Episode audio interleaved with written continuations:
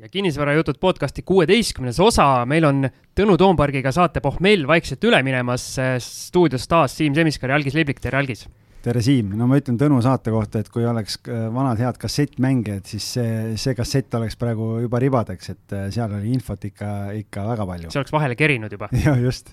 aga taaskord saame üllatada oma kuulajaid, et me ei ole mitte siin kahekesi asju arutamas, vaid meil on ka külaline.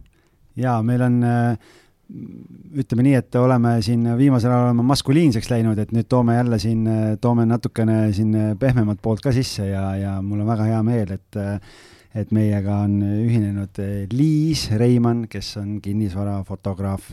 tere, Liis! no tere, Algis ja tere, Siim! aga Siim, kuidas on, tahad ise kohe otsa kuumaks teha, et kaks fotograafi on ühel pool lauda ja mina siin nii-öelda sekundeerin teisel pool või või, või teen ise otsa lahti?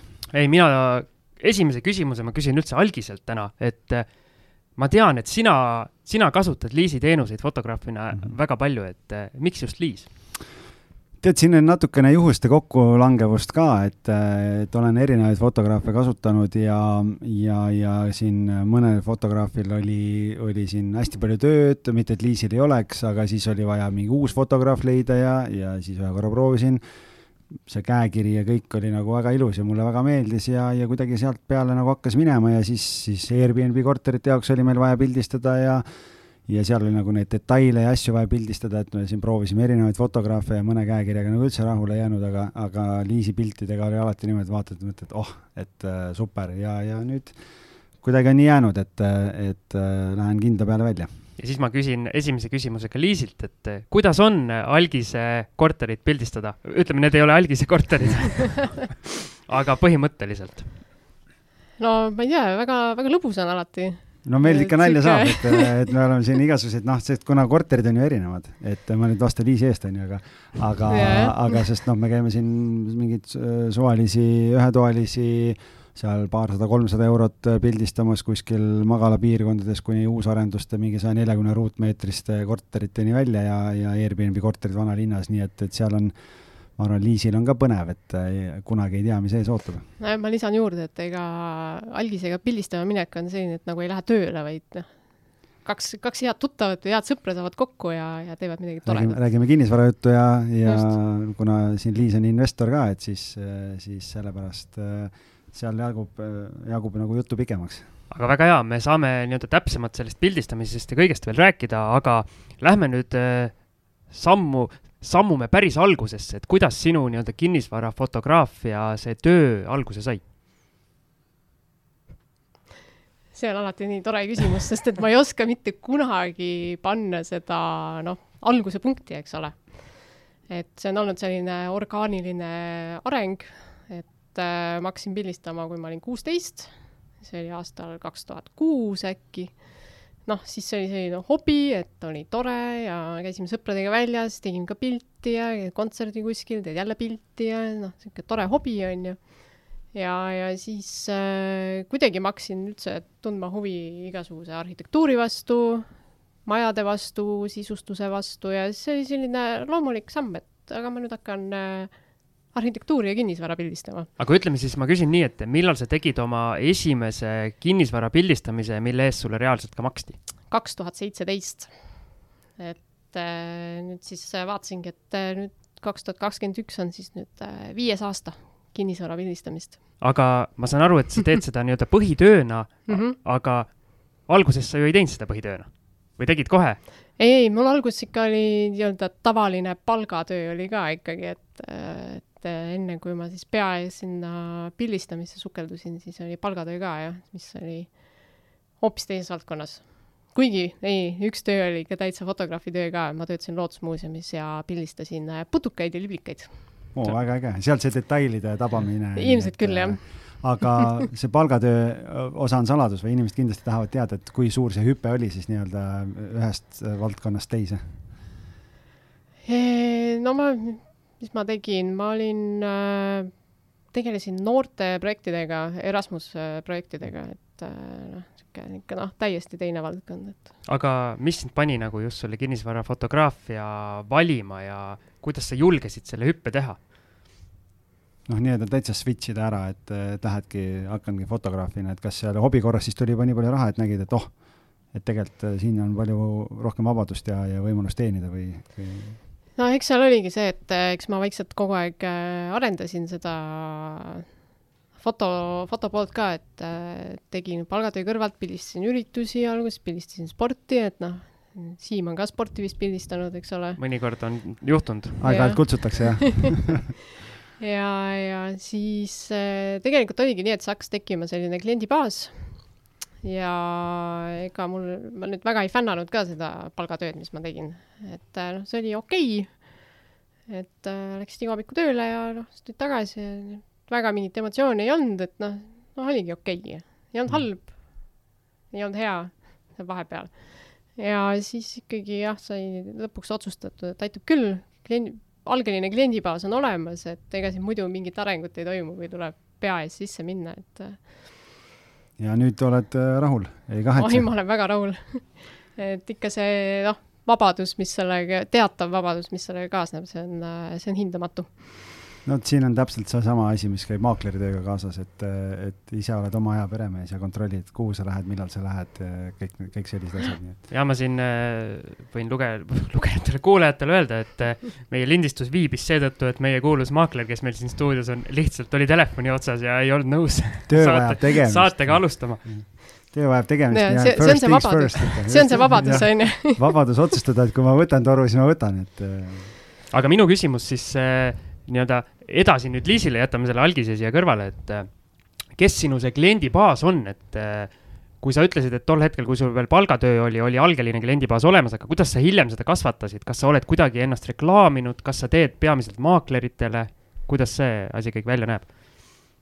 Äh, no siin on kombinatsioon erinevatest tegevustest, et ma olen reaalselt siis oma tuttavaid läbi helistanud, olen teinud külmikõnesid olen kinni haaranud äh, erinevatest ähm, kuulutustest, mis on Facebookis, et otsime fotograafi, siis ma kohe lähen, tuiskasin kohe kohale, mina, mina, mina, võtke mind. ja siis ma olen veel teinud äh,, Facebookis olen reklaami teinud, Google'is olen reklaami teinud, et äh, ja nii ta on vaikselt veerenud, et eks kui sul mingid kliendid on juba olemas, siis hakkab äh, mingi hetk hakkab see lumepall ikkagi veerema ka, et äh, sind soovitatakse edasi kuskile ja, ja siis jälle soovitatakse, et äh, nii ta vaikselt läheb. nii nagu maakleritel. alguses laod vundamendi ja siis hakkad seda maja sinna peale ehitama, nii et kõik tuleb ajaga. külmade kõnede ekspert Algis kas sa, kas sa, Liis, helistasid, et külmad kõned tähendavad seda, et kui Siim pani, paneb Vaidas oma korteri kuulutuse üles, noh, Siim ei ole hea näide, sest ta on fotograaf, aga Mati paneb Mustamäel oma korteri kuulutuse ülesse ja sa vaatad, et pildid on kole kui öö, et siis sa helistad ja ütled, et ma tulen ja teen teile ilusad pildid. no see ei ole tegelikult väga hea taktika sest kui sa ütled kellelegi, et sul on halvad pildid, siis igal juhul. Äh, igal juhul nad sind ja siis nad sind ei telli ja eks ta nii ongi, et inimene peab ise ka aru saama, et see hea pilt on vajalik. et äh, ütleme, neli aastat tagasi, ka kolm aastat tagasi inimesed arusaam selle pildi vajalikkusest oli ikka hoopis teine, kui on äh, praegu. ei no mul on telefonil hea kaamera ju, mis no just, mul on kõige viimane telefon, jess. aga kui palju üldse nii-öelda päris äh, nii-öelda omanikud, kes müüvad mm, -hmm. kutsuvad nii-öelda professionaalset fotograafi versus siis ma eeldan, et enamus on ikkagi kinnisvarabürood ja maaklerid kusjuures äh, mul on nii, et maaklerid, kinnisvarabürood on napilt üle. aa, et pooleks enam-vähem? jah okei okay,, väga hästi. et äh, päris palju kutsutakse ja, ja on äh, olnud ka selliseid, kes äh, kõigepealt müüvad oma korterit, siis nad müüvad emakorterit äh, ja siis neil on veel mingi korter, mis läheb üürile ka, nii et siis mul on mõni eraisik on nagu reaalselt kolm korda klient, noh. kui ra-, kui karm see konkurents on, et, et kui palju, kui palju sul kolleege on, et, et, et kui, kui tihe see põld on, mis te koos künnate kõik? no konkurents ikka on jah, et ähm, ma nüüd, päris keeruline on öelda, kes nüüd täpselt on ähm, spetsialiseerunud siis sellele, et ta pildistabki ainult siis kinnisvara ja arhitektuuri või, või noh, mingi kombinatsiooni sealt, on ju.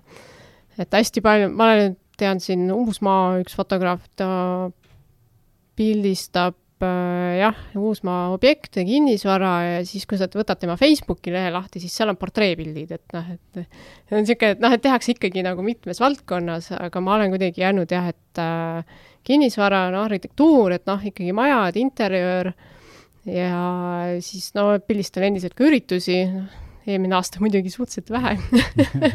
Siimul läks kohe aga jah, kohe reageeris, et Siimul sama olukord jah, et vahepeal oli siin kaamera seisis kodus. kui tahtsid üritust pildistada, siis tuli ise üritus korraldada. no ma tahtsingi küsida, et äh, kuidas see, see eelmise aasta kevade äh, Covidi saabumine sinu igapäevaelu mõjutas? No mõjutas nii palju, et kui eriolukord äh, välja kuulutati, siis hakkasid kõik oma kortereid müüma, nii et äh, märtsi lõpuni ma ikka panin täistambiga, et pildistasin, töötlesin, pildistasin, töötlesin, pildistasin, töötlesin. ja no käiski niimoodi ja siis tuli poolteist nädalat vaikust. mitte midagi, telefon ei helisenud. Ei Mailbox oli jumala vaikne, ma mõtlesin, mis nüüd nii jääbki või? Et mis asja? ja siis helistas Algis, kutsus oma kodu pildistama, et äh, jah, sa olid seal jah, üks esimesi ja siis ma käisin veel jah, et ja siis hakkas jah, aprilli teises pooles, siis hakkas tulema juba, aga tulidki pigem investorite kõned kusjuures. et äh, mul läheb korter üürile, mul on siin paar Airbnb korterit äh,, nüüd siin jälle üks korter üürile ja siis hakkasid alles need müügiomad tulema, et äh, jah, kusjuures investorid aktiviseerusid kõige esimesena. kui äh, fotograafia lainetel jätkata praegu, siis äh, kui me räägime üürikorterist ja, ja müügikorterist, siis nende nii-öelda pildistamine on natukene erinev. või noh, mitte pildistamine ei ole erinev, aga nii-öelda ettevalmistus on erinev, et äh, me Liisiga siin ka üürikorterite puhul oleme nagu ühe, ühesugust äh, staging ut teinud ja, ja, ja müügikorterite puhul on ta nagu teine, et äh, on mingid sellised kindlad äh, lihtsad asjad, mida sa saad meie kuulajatele võib-olla välja tuua, et millega peaks arvestama, kui sa tahad näiteks üürikorterit äh, pildistada, ette valmistada ja kui sa tahad müüa, et mis siis teistmoodi peaks tegema? alustame müügist, et äh, esimese asjana tuleb ikka korter piinlikult korda teha, et ei oleks seal näha sinu kaminasimsil mingeid kujukesi, külmkapi võiks ka magnetid alt välja paista, onju. et ähm, noh, ikka jah, niimoodi piinlikult korda, et kui inimene tuleb äh, tuleb siis äh, kas korterit vaatama või siis ta noh, vaatabki juba sealt portaalist esimesena, onju. et äh, siis ta saaks nagu ette kujutada, et aa, et ma- äkki ma võiksin siin elada. et kui seal on mingid teiste inimeste asjad nagu domineerivad, siis vaatad ikkagi seda kui teise inimese kodu, mitte kui potentsiaalselt enda kodu. Aga noh, üüri puhul on ka, et ikkagi puhas, korralik, et äh, tasub kindlasti teha seda, et sul on ähm, adekvaatsed pildid või aktuaalsed pildid siis äh, portaalis üleval, et äh, ma just siin avastasin, täitsa poolkogemata lappasin seda kinnisvaraportaali ja siis oli, pildid olid täiesti tühikarp, korter on täiesti tühikarp, pole köögimööblit ka sees, mitte midagi.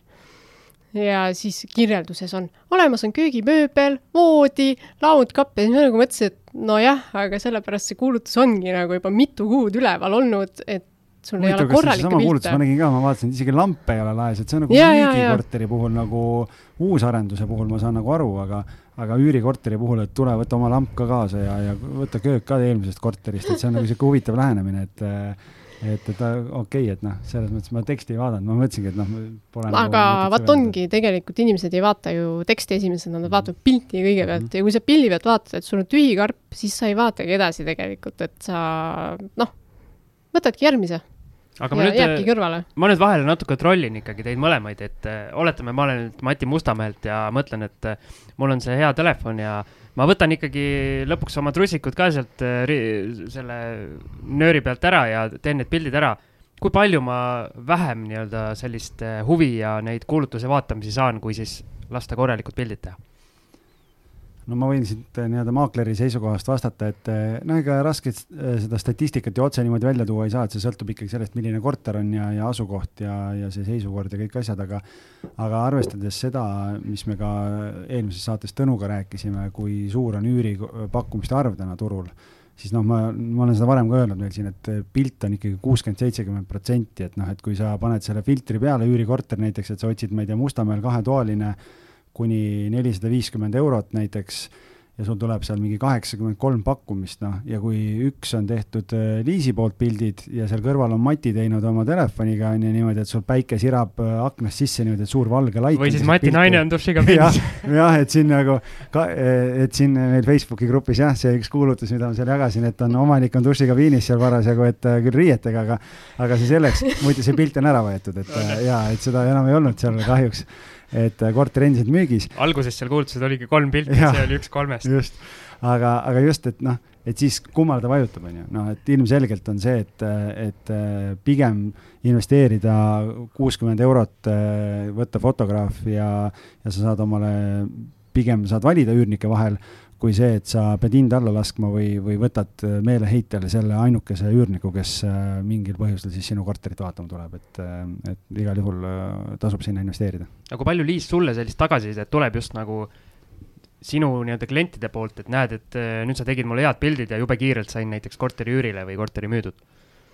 nii, ma kõigepealt vastan sellele eelmisele küsimusele, mis sul oli, et tegelikult on niimoodi, et äh, sul võib olla kõige parem kaamera ja sa ikka võid kogemata teha nagu sellised kehvad pildid, et äh, Liis telefoniga... võib oma kaamera mulle anda, ma võin öelda, et sealt ei tule head asja no just, et eks ongi niimoodi, et sa pead natukene vaeva nägema ja õppima kas või kompositsiooni või noh, et ikkagi seinad sirged oleks ja noh, oleks pildi pealt midagi näha ka rohkem kui ainult diivan.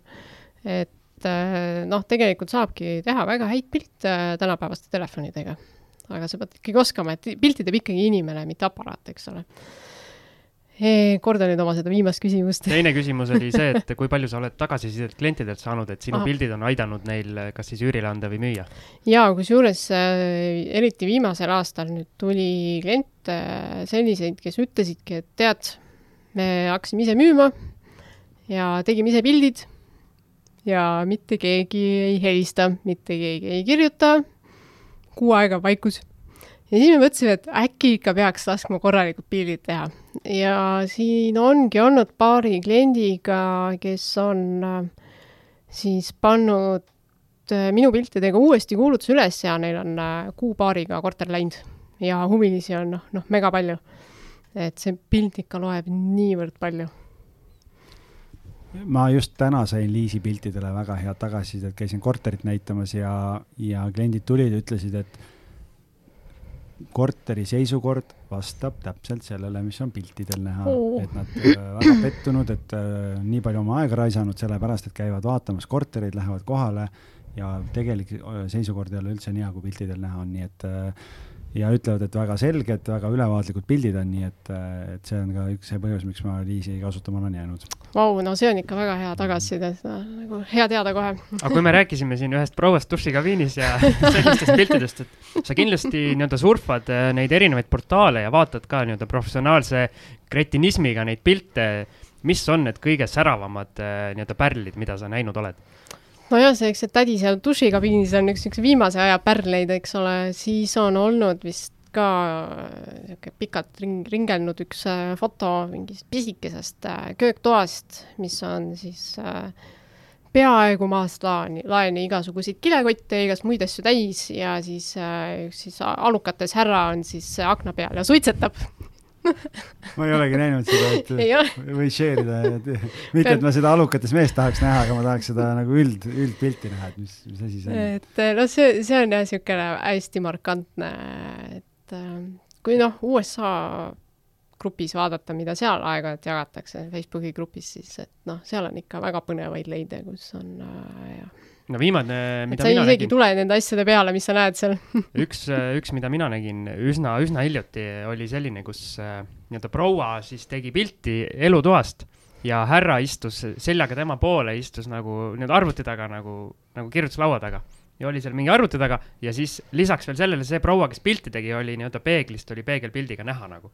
ehk siis kaks nagu siukest noh, ehk siis terve selline elu oli pildi peal, et äh, see oli rohkem nagu kunstivaldkonda kui kinnisvarapildi valdkonda ilmselt.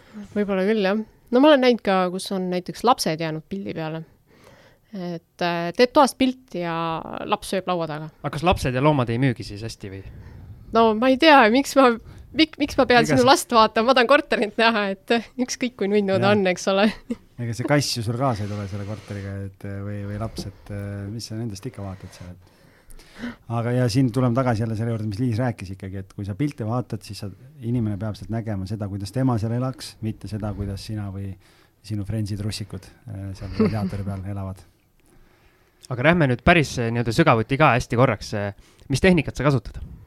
väga head tehnikat tal on kohver kaasas. ma käin kohvriga ja. ma arvan, tema kohveri, kohvri sisu maksab rohkem kui minu auto, et. Äh, oled sa veel peegelkaamera peal või? jaa, et äh, mul on tegelikult kaks kaamerat, et üks on peegelkaamera, teine on siis äh, uuem äh, hübriidikas. aga tahad sa nii-öelda marki ka öelda, mis meil on? Canon, Canon. Canon ikka, õige, õige. nii Canon. sellega võiks saate lõpetada, aga me ei ma, lõpeta. ma noogutan kaasa, kuigi ma ei saa midagi aru, aga, aga olen nõus.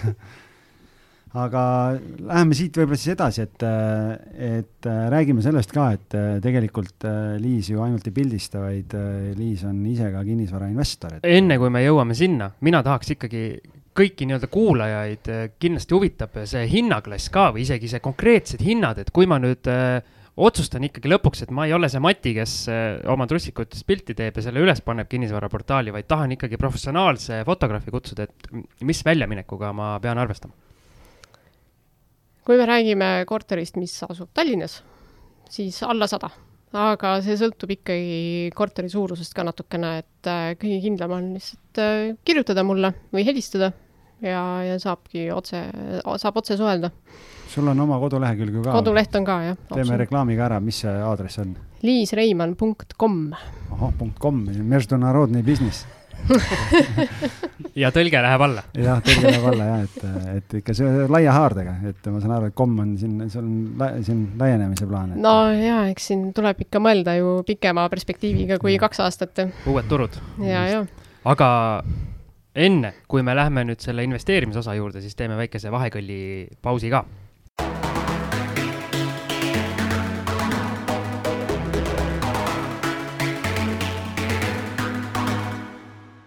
ja oleme tagasi väikselt pausilt, äh, algisel kõik telefonikõned jälle tehtud, meie siin saime oodata rahulikult. Äh, jätkame nüüd, äh, Liis, sinuga siis isikliku investeerimise koha pealt, et lisaks fotografeerimisele on sul ka nii-öelda sügavam kinnisvara huvi ja oled endale vaikset portfelli kasvatamas, et räägi, kus see kinnisvarasse investeerimise või üldse investeerimise pisik alguse sai? no huvi investeerimise vastu tekkis ikka päris, päris ammu juba mitu, mitu aastat tagasi, et lugesin kuskilt blogist, võis olla Jaak Roosaare täiesti vabalt, et äh, tema raha teeb tema, tema eest tööd. et kui tema öösel magab, et siis äh, mingid intressid tiksuvad ja mingid dividendid ja mõtlesin, et okei okay,, aga see on ju nagu rahapuu, et äkki paneks endale ka ühe kasvama. ja sealt ma siis nagu vaikselt alustasingi, et äh, kõigepealt kümme eurot oma rahasse ja ja siis sealt tulid aktsiainvesteeringud ja siis noh, niimoodi vaikselt suuremaks on nagu läinud kogu aeg, et siis äh, nüüd siis äh, täna on meil kaks tuhat kakskümmend üks, et siis aastal kaks tuhat üheksateist ma siis jõudsin äh, esimese investeerimiskorterini no nii, et äh, paar aastat juba kogemust, et äh, väga, väga äge, aga ma tean, et sa oled Naisinvestorite klubi liige ka, et kas see tuli nagu pärast seda blogi lugemist või, või, või kuidagi need käisid käsikäes või? see tuli natuke aega pärast, kui, kui ma blogi hakkasin äh, lugema või neid blogisid, et noh, oligi, et kõigepealt Roosaare ja siis äh, Kristi Saare blogi, see Money is your friend, et mis tal kõige esimesena oli, et ingliskeelne ka veel ma olen või me oleme algisega hullult kadedad, et meid sinna naisinvestorite klubisse vastu ei võeta kuidagi. jah, me oleme siin korduvalt avaldusi saatnud, aga no ei, ei saa. küsisime Kristi Saare käest ka, et mida peab tegema, aga. ei tea, ei tea, jah. see on soovahetusoperatsioonid. jaa, ilmselt küll, jah aga aga ütleme, et, et see investeerimiskorterini sa jõudsid siis, jõudsid nii-öelda sellepärast, et, et teised varaklassid juba nii-öelda uputasid üle ja siis lõpuks mõtlesid, et nüüd peaks nagu kinnisvarasse ka minema või, või kuidas see moguliks hakkama. jah, ja, kuidas see, kuidas see moguliks saamine käis? ei no ja mul aktsiad ei mahtunud enam kontole ära, onju, et pangast helistati, et rohkem ei saa et no tegelikult oli see, et kui dividendi makstakse sulle seal noh, mõnikümmend senti võib-olla aktsia pealt või, või kümme senti aktsia pealt, et siis äh, noh, oleneb aktsiast, mis sul parajasti seal portfellis on. et siis kinnisvara kuine see rahavoog on palju suurem ja eks see mind natuke ahvatles ka. teiseks äh, ta on ikkagi konkreetne vara, mida sa näed ja saad katsuda ja saad seal remonti teha ja sisustada ja toimetada ja ja pilti teha. ja pilti teha, absoluutselt. Ja aktsiatest saad ka pilti teha, lükkad arvutiekraani lahti ja vaatad, kõik on punane ja oi, kui ilus pilt tuleb.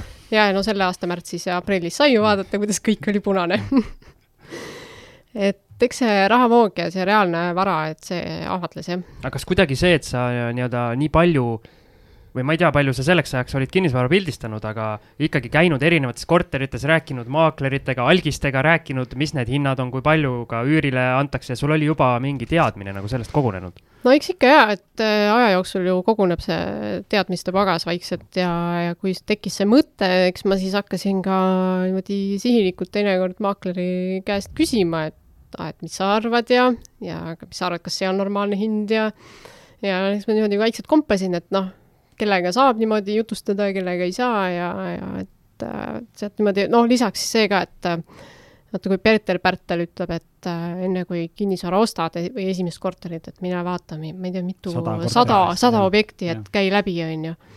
et noh, siis seda ma tegin niikuinii iga päev, et mul oli see põhi oli all juba, et kõik need võrdlusmomendid, igasugused erinevad nüansid, seisukorrad, noh, et asukohad ja nii edasi, et et et äh, sealt oli nagu suhteliselt lihtne tegelikult minna selleni, et äh, vot nüüd sellist korterit sellises hinnaklassis ja noh, selline üür ja selline tootlus. kuhu see esimene maasikas siis tuli? esimene maasikas tuli Kristiinesse. Tõnu Toompark see... rääkis, et Kristiine on ju, Siimul on Kristiines korter, Liisil on Kristiines. mul on Kristiines kaks korterit. no vot, no vot, nii et äh, seal vist turg on juba ära võetud, mulle tundub, et äh, et ma olen juba hiljaks jäänud. sa oled hiljaks jäänud, jah? põhimõtteliselt, jah aga mis korteri ostsid? ostsin mikrokorteri kuusteist ruutu, sellise pisikese. kas see on sul siiani portfellis alles või on no, juba see on mul, see on mul siiani olemas, et äh, see nüüd just äh, läks siin äh, üürile detsembris tänu algise abile aa, see korter, see, see korter, seda ma ei teadnudki ja leidsime toreda üürniku sinna. jaa, algis on tegelikult jah, käinud ja näinud, muidugi algis nägi äh, versioon kahte, et siis, kui oli äh, väi-, värskelt ära renoveeritud, et. kas versioon üks oli hullem kui äh, kaks punkt null? jah, ta ei olnud nii hea, et ta oli okei okay., et ma ostsingi ta niiviisi, et ähm, vahetasin, panin uue pesumasina midagi ma tegin seal veel natuke, vist aknapõski värvisin või ja siis läkski üürile. aga miks, miks Kristiine, miks selline mikrokorter, kas need olid teadlikud valikud või lihtsalt sattus äh, selline objekt ette? no mikrokorter äh, sai võetud sellepärast, et äh, see sisenemisbarjäär on, eks ole, väiksem, et ta maksab vähem lihtsalt ja et lihtsalt ära nii-öelda, ma ei taha nüüd öelda ära proovida, aga et noh, et kui sellega peaks midagi untsu minema või vaatad, et üldse ei sobi, et noh, et siis see kaotus ei ole nii suur või niisugune noh, natukene nagu enda peas riskimaandus niimoodi jutumärkides. aga Kristiine tuli sellepärast, et ega ei ole lihtne osta, kui sa seda ostma hakkad lõpuks ei ole lihtne osta sellepärast, et äh, rahakoti mõistes või selles mõistes, et äh, et äh, nagu piirkonna mõttes, et, et kuhu võtta, et ei tea, kuhu võtta, et äh.... no isegi piirkonna mõttes oli asi selge, et äh, noh, Kristiines see Sõpruse puiestee kolm, see on nagu hea koha peal, see maja lihtsalt, et sul on ühendused absoluutselt igale poole, tervesse Tallinnasse ma vaatasin ka loomulikult kortereid Akadeemia teel TTÜ läheduses, aga et see raske ost-, raske osta tähendabki pigem seda, et äh, sa helistad siis äh, korterimüüjale, et noh, tore, kui üldse vastu võetakse, tore, kui sa vaatama saad minna. üks maakler ütles, et pooleteist nädala pärast saab vaatama tulla, siis ma mõtlesin, mis asja. Ja noh, siis leia veel niisugune, kes, et noh, et käid erinevas eh,, tahavad erinevat hinde saada ja et leia siis see motiveeritud müüja ka veel üles, et kes sulle päriselt on nõus müüma, et ta ei hakka mingisugust eh, kumbajaad seal ajama ja ma ei tea, mis trikke tegema. aga leidsid siis, oli motiveeritud müüja lõpuks? oli küll, jah. oli motiveeritud müüja. mis see story seal taga oli, tahad, saad sa seda ka jagada või? seal oli äh, mingisugune haldusfirma oli vahel ja nemad siis müüsid seda, omanik oli üldse vist Prantsusmaale kolinud ja tahtis seal vist mingit remonti teha ja ühesõnaga, neil on lihtsalt vaja lahti saada. ja siis noh, oligi, et nad olid ta oli mõistliku hinnaga müügis, et ta ei tahtnud mingeid ulmesummasid saada. ja nad olid siis äh, nõus müüma. minu jaoks natuke nii-öelda selles mõttes naljakas tundus see jutt, et äh, kui Liis rääkis, et keeruline oli osta korterit, et ei võetud jutule, ei tahetud näidata, et algis, mis värk on, et kui mingi korter müüki pannakse, et miks äh, potentsiaalset ostjat müügi, nii-öelda jutule ei võeta? noh, see küsimus ongi, kes müüb, et, äh, et see on nagu üllatav jah, et maakler ütleb, et poolteist nädalat ei saa tulla, et, et kui sa puhkama lähed, noh siis äh, isegi sellises väikeses ettevõttes nagu meil on, on ju, siis, siis ma pean leidma lahenduse, et noh, ma ei saa päris niimoodi, et ma sõidan kolmeks nädalaks sõidan ära ja, ja ütlen, et noh, ma nüüd tulen tagasi, et noh, ükski omanik esiteks ei ole nõus ootama, normaalne omanik ja, ja, ja ükski klient ka. et, et see on nagu üks pool ja teine pool on tegelikult see, et äh, otse omanikult ostes, see on üsna levinud probleem, et äh, inimesed ei võta tõsiselt, sa ju isegi sõitsid Maardusse kohale ja omanik ei tulnud kohale, et äh, no ei taheta müüa, noh, et et, et see oli mul juba meelest ära läinud. no vot, nii et äh, eks see mälu on selektiivne ja valusad, valusad asjad, võib-olla osad asjad nii-öelda tahadki ära unustada, onju. aga mul on maakleritega kaks, kusjuures sarnast kogemust, et äh,. hakkab pihta jälle. jah no,, et äh, ükskord oli selline olukord, kus äh, oli, äkki oli Mustamäe korter ja seal olid pildid ainult väljast, see on juba ohumärk, eks. ja siis ma helistasin maaklerile ja küsisin, et noh, et kas saaks vaatama tulla midagi. ta ütles, ei, seda ei ole mõtet vaatama tulla esimene lause oli selline, siis ma mõtlesin, miks, noh, miks te nagu kuulutuse üles panite? noh, ma ei saanudki nii-öelda täpselt teada, miks see kuulutus üleval oli. igatahes ta seda nii-öelda korterit müüa ei tahtnud.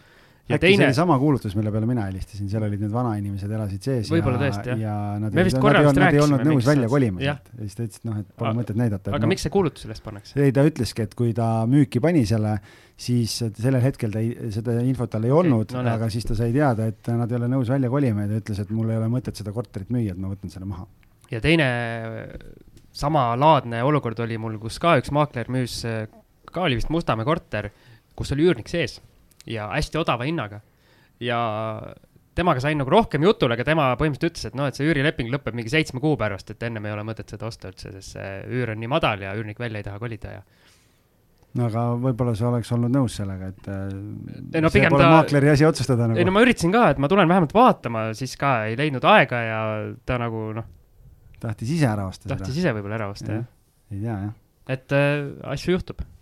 Nojah, ma, ma ei hakka siin jälle oma ametivendi kaitsma siin, on ju, igaüks seisab oma heaolu eest ja. aga see saade on juba korda läinud, Liis, et me saame jälle algisele ikkagi puid alla panna oligi kuidagi rahulikuks läinud vahepeal siin, et äh, aga ma nüüd pean hakkama vaatama, et kes need kinnisvarafotograafid siin on aga, aga tegelikult äh, sa ostsid esimese ära, et kuidas see finantseerimise pool käis, et äh, mismoodi see protsess sul välja nägi?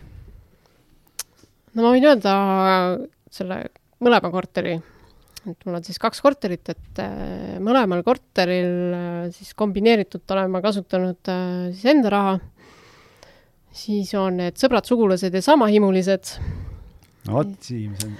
mul läheb see eestikeelne variant meelest ära kogu aeg. ja, ja siis on pank, et ega siin mingit suurt teadust nagu ei, ei, ei olegi. aga kas see rahastamise osa on nagu nii-öelda kergemini läinud kui see nii-öelda korterite hankimine? Või on seal ka mingeid äh, nii-öelda probleemseid hetki olnud? ma ei tea, ega ma ei olegi nagu niimoodi mõelnud, et kumb nüüd on keerulisem või kumb on raskem, et kui on mingi takistus, siis tuleb äh, leida lahendus ja noh, aga pankadega, kuna sul oli nii-öelda fotograafina rahavoog olemas ettevõttes juba, et siis võeti kergesti jutule ja selles osas läks kõik kenasti või pidid nahast välja pugema? ei, ei, et äh, pangad võtsid väga hästi jutule, et ei olnud üldse mingit probleemi, et ma olin isegi ausalt öeldes veidi nagu üllatunud. äh, et noh, ma olen siin, ikka kuuled küla pealt jutte, on ju, kus mõni niisugune ka üksik teenuseosutaja ja siis vännatakse niisugune intress kaela, et äh, noh, nagu lõpuks sain nagu väga-väga hea intressiga laenu ka veel, nii et ma olen väga rahul. Läksid panka ja ütlesid, et mulle tahate laenu anda aga just, just selle kulmukergitusega, ja, ja, ja. Te ei näinud siin. jumal tänatud, et aga kuulajad nüüd tahavad teada, sa ütlesid kaks korterit, kuhu mm -hmm. siis see teine maasikas tuli, nagu Algis ütles. teine, teine maasikas on äh, Mustamäel. no vot, põhiasjad. ootab, ootab varsti, varsti läheb üüriturule, ma juba tean. sa tead jaa, Algis juba teab, jaa. inside info olemas et seal on, seal käib praegu remont, jah. et äh, siis loodetavasti jaanuariga saab tehtud ja ise teed Siimul Siimul on vaba aega, ta Jah. oma korteri lõpetas, et ta võib tulla aa, no väga hea, väga hea, mul on jah, abi, abi on vaja kindlasti. kas sa ise teed või, teen, või abilistega? teen koos ühe abilisega, kelle nimi on Mati. Mati ja Mustamägi käivad nagu, käivad kokku, nii et äh, kui Mati kuulab, siis vabandame saate see Mati käib, ma ei tea, kust see Mati tuli, et kui ma Oberhausis maaklerit koolitasin, siis ma alati tõin Matit näiteks Mustamäelt, ma ei tea, kust see tuli, aga, aga jah. jah, okei, see oli hea kokkusattumus, aga mis seisus sa siis ostsid, kui, kui kõva renoveerimise sa oled pidanud ette võtma? no ütleme niimoodi, et seal on äh, küsimus selles, et äh, kui palju sa viitsid teha ja palju sa tahad üüri saada pärast. et iseenesest ta oli täiesti elatavas seisukorras. ma just tahtsin küsida, et kas oli, oli nii-öelda siirupist kleepuvate põrandate ja prussakatega või, või oli selline nagu Siim ostab, et WC vannituba enam-vähem vaja kergelt värskendada ja, ja läheb turule või mis mis see seisukord oli, mida sa vaatasid või otsisid? ütleme niimoodi, et ta on seal niimoodi vahepeal, et äh, me seal jah, niimoodi lükkasime enamus mööblit minema, seinad kiskusime paljaks, et äh, ja eks see on nii, et igale poole läheb uus värvikiht peale, et sihuke värskendus, uus köögimööbel täiesti. Ja, ja siis äh, vannides ka seal noh, nipet-näpet niimoodi natuke kenamaks, ilusamaks, mõned torud veidi loogilisemalt ja ja et, et oleks nagu funktsionaalne ja, ja noh, ikkagi mugav, et mitte nii, et vajutad kuskile, mõtled, kas nüüd kukub ära või ei kuku või mul on üks noomitus Liisile, oi-oi, et ta ei ole jaganud oma äh, teekonda meiega Õige, Facebooki grupis, et äh, see on ju suisa hä- häbiväärne. kuritegelik. jah, kuritegelik, et, et kuna, kui sul valmis saab, et kas sa lubad, et sa jagad meiega seda before'i ja after'it ka, et, et meie kuulajad saaksid siis seal Facebooki grupis, kinnisvarajutude Facebooki grupis näha. jaa, loomulikult, absoluutselt. oot, peame paberi ka tooma Oot, või, või allkirja? grupis on lugejad ja podcast'il on kuulajad. noh, üks puderikapsad, et aga, aga selle teise korteriga, et, et sul jäi nüüd väike vahe sisse, et ähm, meil on siin eelnevates saadetes ka olnud seda diskussiooni ja tegelikult ka meil seal Facebooki grupis käis see just siin mõned päevad tagasi äh, nii-öelda äge diskussioon selle koha pealt, et, et kui kui siin kellelgi on, tahavad siin äh, seljad kokku panna ja kamba peale raha kokku kraapida ja nii edasi, et, et, et kas sul see vahe jäi nii pikk sellepärast, et lihtsalt tootluse ootus on nii kõrge ja ei, ei leidnud vahepeal midagi või, või lihtsalt oli vaja mammonat koguda, et kuna sa üksinda investeerid, et siis, siis sellepärast jäi see vahe selliseks ma ütleks, et see ei ole pikk vahe tegelikult, kui sa üksinda teed, et väga tubli no korter aastas, eks ole. jah, et see on nagu päris hea, hea minek, aga, aga lihtsalt, et seda tausta seal nagu. no ma tahtsin tegelikult näha ka, et kuidas selle esimese korteriga üldse läheb. et äh, et kas ma ikka viitsin sellega tegeleda üldse või, või mitte, on ju. mul on siin kohe üks, jälle mul on inside infot, kuna ma olen selle korteriga tegelenud, on ju, siis äh, algis, ära nüüd kõike välja lobise Liis siis. üritab, Liis üritab siin praegu niisugust siledat teed näidata, aga ma tegelikult tean, et, et see esimese korteriga oli sul kohe, oli kohe õnnetus ka, et räägime ikka selle loo ka ära, et, et. ei olnud kohe kusjuures. Ei no mitte kohe, aga- aga selles mõttes, et ta oli aasta aega mul üüril juba. jah, aga, aga sa vist ei olnud teist veel ostnud. ei, teist ei olnud veel ostnud jah. et räägi, räägi võib-olla see, see ära, mis sul juhtus seal. ei no see oli sihuke tore lugu, et äh, olin äh, sõbranna juures külas ja siis tuli telefonikõne, et äh, üürnikult, et äh, Liis, et äh, mul uputab. et no oligi siukene tore, tore uputamise lugu, et äh, laupäeva õhtul kell seitse. kuule, see vist oli reede õhtul kell kaheksa Aa, aga noh okei. potato, potato, Jah. et ja mis siis sai? no mis see ikka sai, ütlesin, et kutsuge torumees välja ja siis sõitsin ise ka kohale, et üle vaadata, mis seal toimus. ja mis seal ikka sai, siis tuli ära koristada see ja siis uputas korra veel ja koristasime jälle ja sai jälle koristada ja ja, ja siis äh, noh, lõpuks oligi see, et äh, kutsusime selle toru abi kohale. et äh, ta vaataks siis ikka, et mis seal nüüd on siis mis see oli et siis? lükkas selle oma kaamera sisse sinna torusse ja mingid käärid olid nagu keegi vetsupotist alla lasknud, et noh, suur aitäh, onju. nagu sinu korterist või, no või kuskilt ülevalt poolt, onju. et äh, noh, ongi, et kui sul see ummistus seal kuskil vahepeal tekib, noh siis ongi, kui et sul prügikast saab täis, no kuhu no, sa paned ei ma just tahtsin öelda, kui sul kääre on vaja ei ole, no mis sa teed nendega? no tõesti, see on väga loogiline. aga see ära ei ehmatanud sind? no tol hetkel küll nagu ikka totaalselt, ma, mis mõttes ei ole võimalik. sest see vahe nüüd ei ole ju nii suur ja nüüd sa oled ostnud värsket teise korteri mm, -hmm. et, et näed ikkagi julge hundirind on haavleid täis, midagi ei ole öelda. no eks ole jah, et äh, eks ma siis nagu lahtus nagu see esimene ehmatus ära ja korter oli kindlustatud loomulikult. et äh, siis seal oligi, et äh, üürnik kolis välja ja remondi kui pikk paus sul sisse jäi seal Ah, nii et uputus nagu ikka nii konkreetselt, et ei saanud elada sees? ja, ja et seal toapõrand läks ikka vahetusse täiesti, et Okei. okay. et jah, et aga no ütleme niimoodi, et see on niisugune paneelmaja rõõmud, et äh, no kus ei oleks sul ülevalt või alt keegi uputanud, et noh, aga kas te käärid viisite omanikule tagasi või? ei tea, kes lasi need Ah. käärid sealt, et noh, aga oleks võinud, oleks võinud ukse tagant läbi käia, teie omad või teie omad või nagu, et et mis näod nägudega Jah. vaatavad ja et ega teie ei ole kääre ära kaotanud. aga mul on Ja, üks äh, nii-öelda nõuanne investoritele, kellel sellised uputamised ja see värk ei meeldi, et siis tasub osta selline objekt, kus äh, vesi tuleb kaevust õuest, et äh, veevärki sees ei ole. ja kuiv käimla ja kõik noh. ja no siis on see-, ei ole, kuule, siis võib katus hakata läbi see laskma on tänapäeval juba lisaväärtus, sa eristud vaata sellega, et ütledki, et nagu. kesklinnas kuiv käimlaga jaa, just. näiteks. Airbnb. just, just, aga siin me jõuame tagasi maalähedane selle kogemus. juurde, mida Anu Alatsai rääkis, et esimese korruse korterid sellepärast on natukene odavamalt hinnastatud. Et kõik käärid võivad- käärid võivad ülevalt tulla, et, et. no tegelikult on ju vist ka nii, et kui sul seal esimese ja teise korteri vahel see uputus tekib ja sul viiendalt ta- lastakse muudkui ülevalt äh, uut jama peale, siis tuleb sul teisele korrusele samamoodi sisse või kolmandale, et noh, et äh, või siis hakkab sul ülevalt keegi uputama, et ega see on noh, viiendal on vist kõige turvalisem selles mõttes. Siis on katus. ja siis on katus jälle onju, et noh ja, ükski teine korter ei ole nõus äh, katust vahetama. jah, sest ega minul ju ei ole vaja katust, et ainult see puudutab ainult ülemise. Täpselt. ainult viiendal. korrusel on katus peaaegu. nii et eks igal pool on omad riskid, aga jah, aga esimene oli Kristiine, teine oli Mustamäe, miks Mustamäe? tuli sobiva hinnaga sobiv korter. Ja nii lihtne ongi. kas seal oli ka motiveeritud müüa?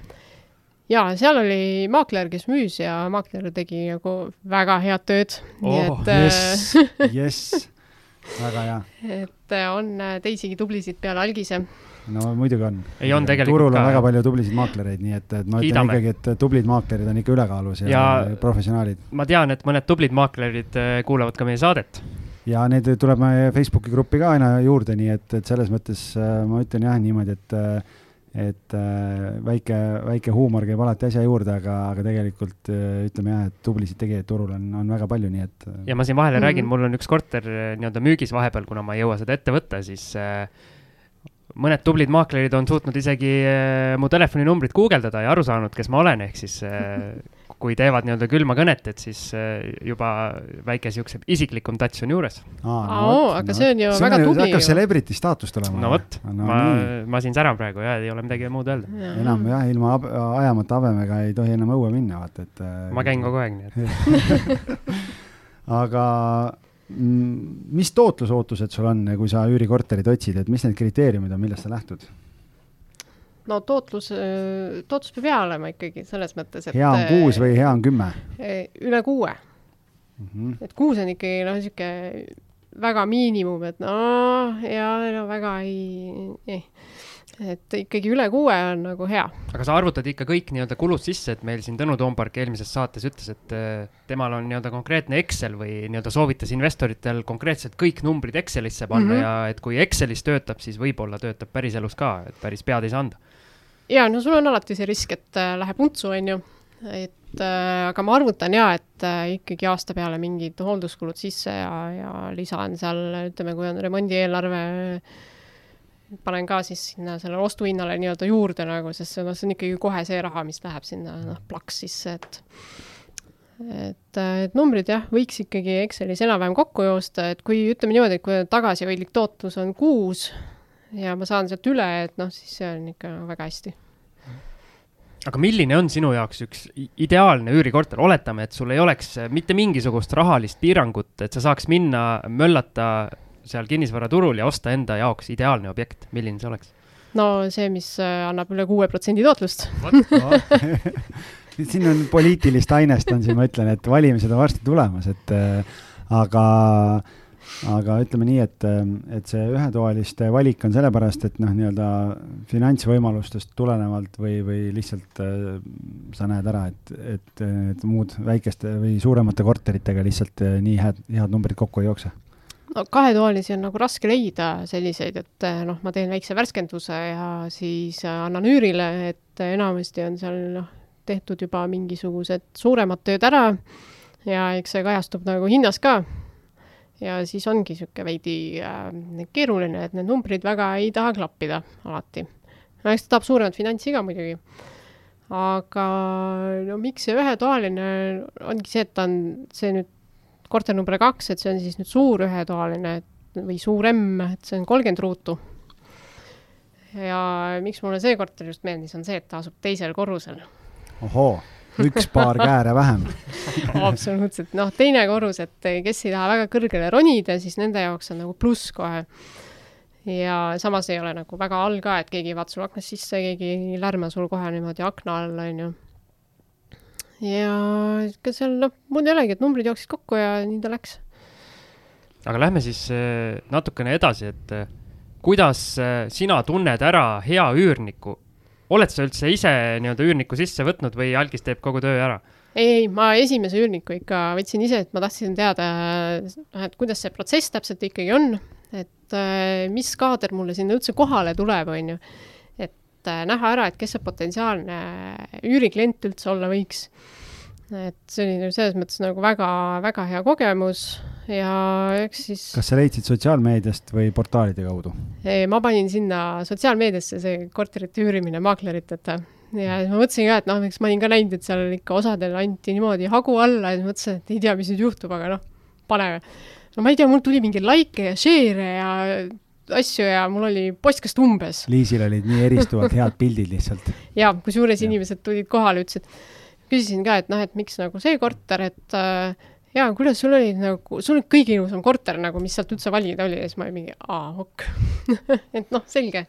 See on äh, huvitav koht, on alati, see on nagu omamoodi sihuke entertainment, et seal äh, maakleriteta gruppides käia ja vaadata, et kui mõni omanik otsustab oma korteri eest, äh, arvab, et see on väärt võib-olla natuke rohkem kui turu keskmine või inimestel nii-öelda potentsiaalse sihtrühmal võimekust on siis need, neid kurjasid nägusid ja kurjasid kommentaare ja asju ja, ja kõike seda poolt. Ja siis mõtled nagu, et noh, et kas, kui sa üürida tahad, siis otsi edasi ja kui sa üürida ei taha, siis oled tasa nagu, mida sa käid ja, ja kurjustad seal kommentaarides, et nagu täiesti arusaamatu. mul on nende gruppidega ka üks äh, hiljutine lugu rääkida, kus äh, üks äh, alustav kinnisvarainvestor kuulas meie saadet ja siis kutsus mind pildistama oma korterit, mis tal just üürile läheb ja siis nägin, et ta pani selle kuulutuse pärast, pani ka sinna gruppi ülesse ja siis, kui tavaliselt nii-öelda korterid saavad pigem nagu negatiivseid nii-öelda kommentaare, siis seal tuli selline kommentaar, et ometi siin grupis üks korter, mis on nii-öelda õiglase hinnaga.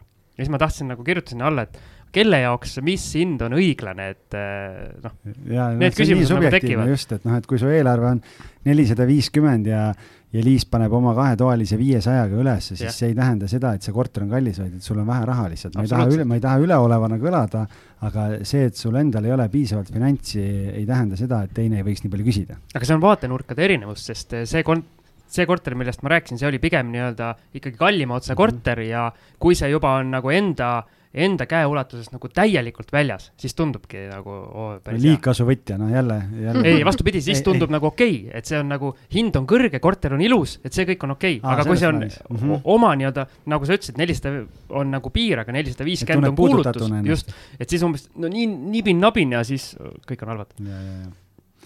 Aga mis see kaugem eesmärk on, kui sa oma portfelli nüüd üles ehitad, et, et sukeldud samamoodi siin äh, suurt äh, impeeriumi üles ehitama nagu Siim või, või on lihtsalt nii, et äh, jaotad võrdselt erinevate varade klasside vahel ja praegu lihtsalt on nii läinud, et äh, step by step? ma üldiselt võtan niimoodi step by step, et äh, pikem eesmärk on jah, omada rohkem kui kahte korterit, et äh, võiks olla viis miinimum. miks mitte ka rohkem. no vot, no vot. noh aga see ongi selline noh, pikk plaan, et äh, et eks näis, mis hetkel ma täpselt sinna viieni jõuan, et äh, praegu on eesmärk äh, see Mustamäe ühetoaline ilusti ära vuntsida, küll me sinna hea üürniku korralikuks teha ja siis äh, üürnik sisse ja siis hakkame edasi vaatama, et aga kas see korter aastas, äh, selline graafik nagu tundub loogiline ja vastuvõetav sinu jaoks praegu?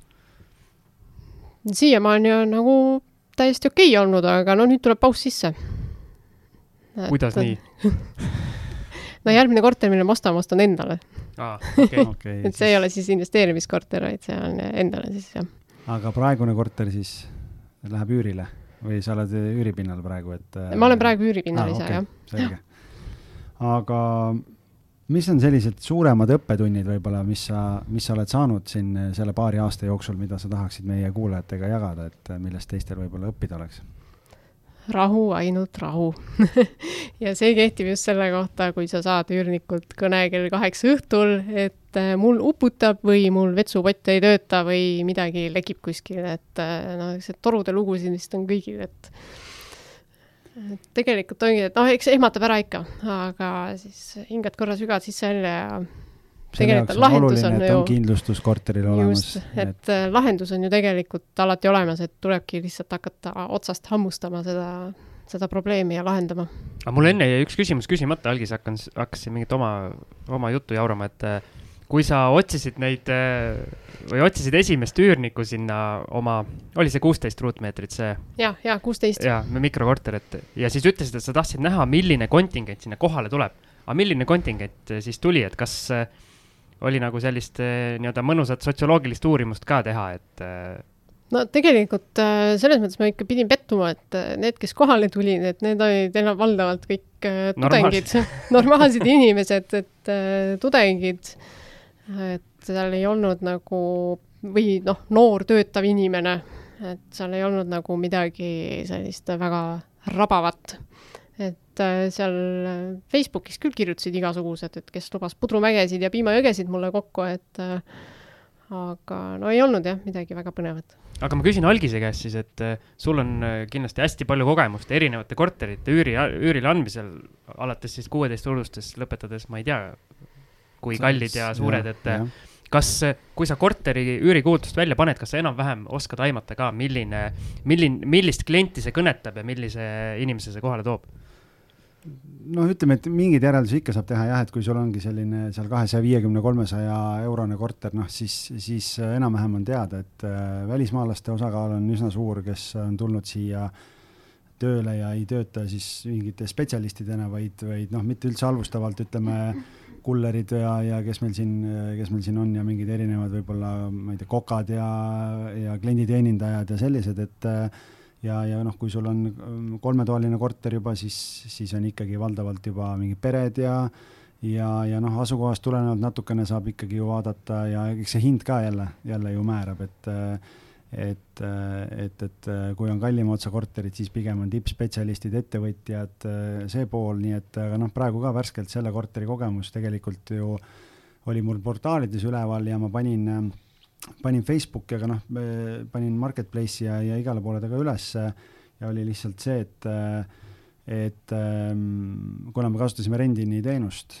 et siis deposiiti polnud vaja maksta, siis sisuliselt võrdus see sellega, et justkui otse omanikult, aga tegelikult reaalselt kohale korterit vaatama tuli vähe inimesi, sellepärast et see eelselektsioon ikkagi Facebookis tegin ära, et enamus tahtis, keegi tahtis kolm kuud, keegi neli kuud äh, ähm, oli ka selliseid olukordi, kus äh, noh, täpselt, et see segment kipub olema, et osa ei tule kohale äh,. oih, ma unustasin ära, et ma olen tunni aja pärast kohal, ma ütlesin sorry, aga noh, mul on järgmised kohtumised juba, et et noh, ja kui, kui üürnik juba ei tule esimest korda kohale ja unustab ära, siis, siis ta unustab sulle üüri maksmise ära mingil hetkel ja, ja noh, kõik sellised asjad, et et teatud, teatud mingeid eeldusi saab nagu teha äh, küll. Aga Liis, ma sinu käest küsin, et äh, sa mainisid, et sa ise elad äh, hetkel nii-öelda üüripinnal, et sul on see teine vaade ka, et see üürniku vaade, et mis tunne on ühel üürnikul ja kuidas ta vaatab seda nii-öelda korteri omaniku poolt, ma ei tea, ma ei oska isegi õigesti küsida nagu selles mõttes, et kui sa saad aru, mis ma mõtlen. päris täpselt ei saa. päris täpselt ei saa aru, jah? okei okay, ma proovin uuesti. et no mulle praeguse korteri omanikuga ausalt öeldes ma ei olegi kohtunud, sest et haldus on vahel Mhm. minu jaoks on täiesti okei okay., ma ei tea, mul ei ole mingeid tundeid. et sihuke täitsa sihuke tavaline korter, tore on elada. et sa ei ole Kõik... nagu sealt mingeid nii-öelda õppetunde võtnud äh, üürnikuna endale kui nii-öelda korteriomanik, kes üürib välja, et äh, mingeid äh, loll küsimus oli, Algis. ei, ei, ei, selles mõttes võib-olla ei saa aru, mis sa täpselt ei, no, küsid. selles mõttes siuke... ma saan, mina saan Siimu küsimusest aru tegelikult küll, et, et vaata osadel üürnikel sõltuvalt omanikust tekivad nagu omanikuga hästi head äh, suhted ja, ja, ja hea kontakt ja nii edasi, aga ma ütlen, et ega täna arvestades, et sul üürikorterite puhul tekivad siin neid haldusfirmasid ja asju, noh, meil on ju endal ka, on äh, investorite, suurinvestorite korterid on ju meil halduses kõik, et omanikuga otse kokku ei puutugi ja, ja see on nagu äh, see on elukoht, see on su kodu üürnikuna ja, ja tegelikult päeva lõpuks äh, ei ole seal ju väga suurt vahet, et ega normaalne omanik sind nagunii ei torgi ju, et kui laenu kõik äh, üürimaksed ja kõik on makstud ja nii edasi, siis sa võib-olla ei kuulegi tast midagi nagu pikka aega, kui sul ühtegi probleemi pole. normaalne. aga kas teeme väikse pausi korra siia vahele ja, ja siis võib-olla räägime natukene siin veel sellest, et äh, et äh, mis, äh, mis siin Liis veel põnevat teeb, et ma tean, et tal on siin üks, üks põnev asi siin Naisinvestorite klubiga seoses ka käsil, nii et võib-olla räägime sellest natuke.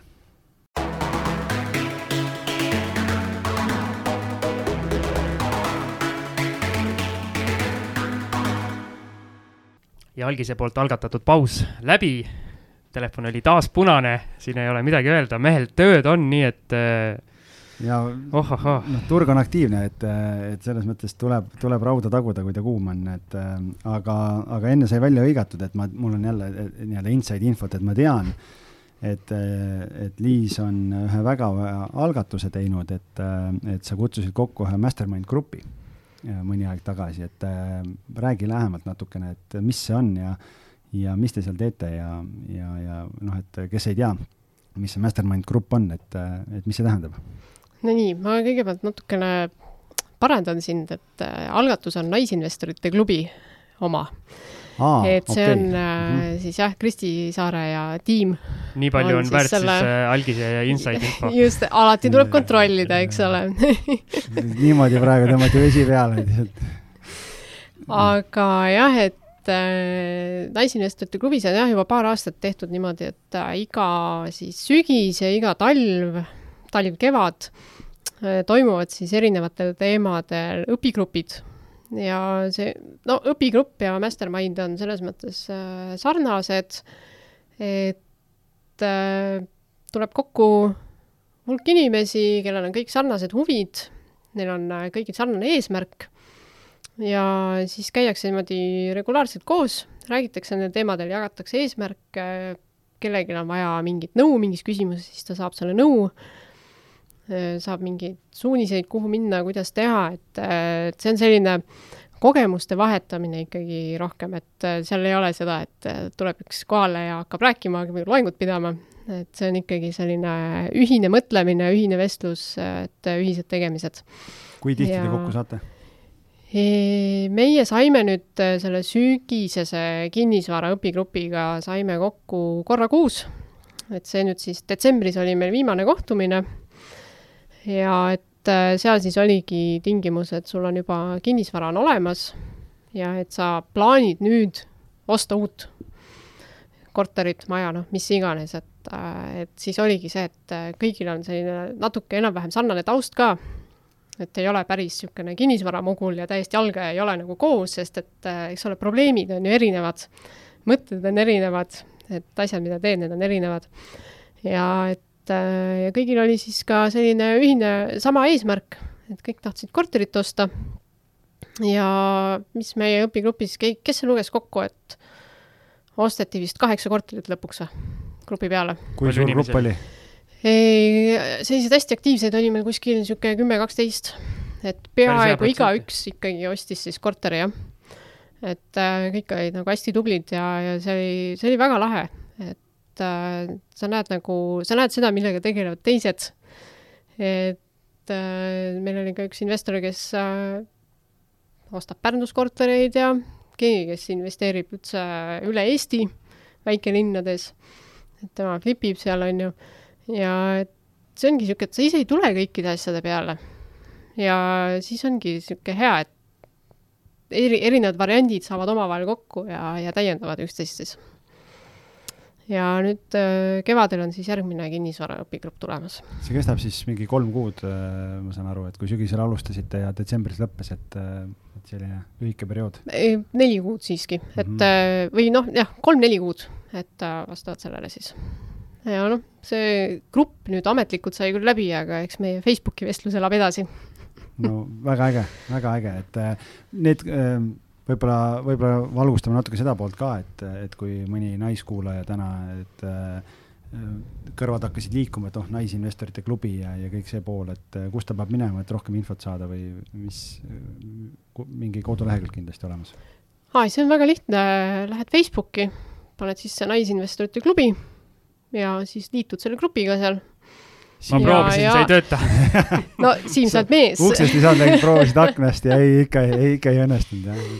et äh, ja siis, äh, et kui midagi hakkab toimuma, siis hõigatakse selle info välja, et lihtsalt tulebki grupile silma peal hoida ja sealt saab selle info kätte. ja mul on ka siseinfot, et ma kuulsin, et Algis on varsti loomas sellist asja nagu meesinvestorite klubi aa, see on hea, sul on huvi, vot siin on, kui minu info oli vildakas, onju, siis Siim ei maksa üldse uskuda, et äh, kuigi mõte iseenesest ei ole paha. mõte ei ole paha tegelikult, jah. ma saan aru, et Siim, sa ikka nagu tahe sinna naisinvestorite no, klubisse kuuluda on nii suur. meeste ego saab nii puudutada, et nad kuskilt välja jäetakse. ei no seal tundub äh, nii palju tarku asju tehtavat, et äh, jah, jah. peab ära tegema ikka.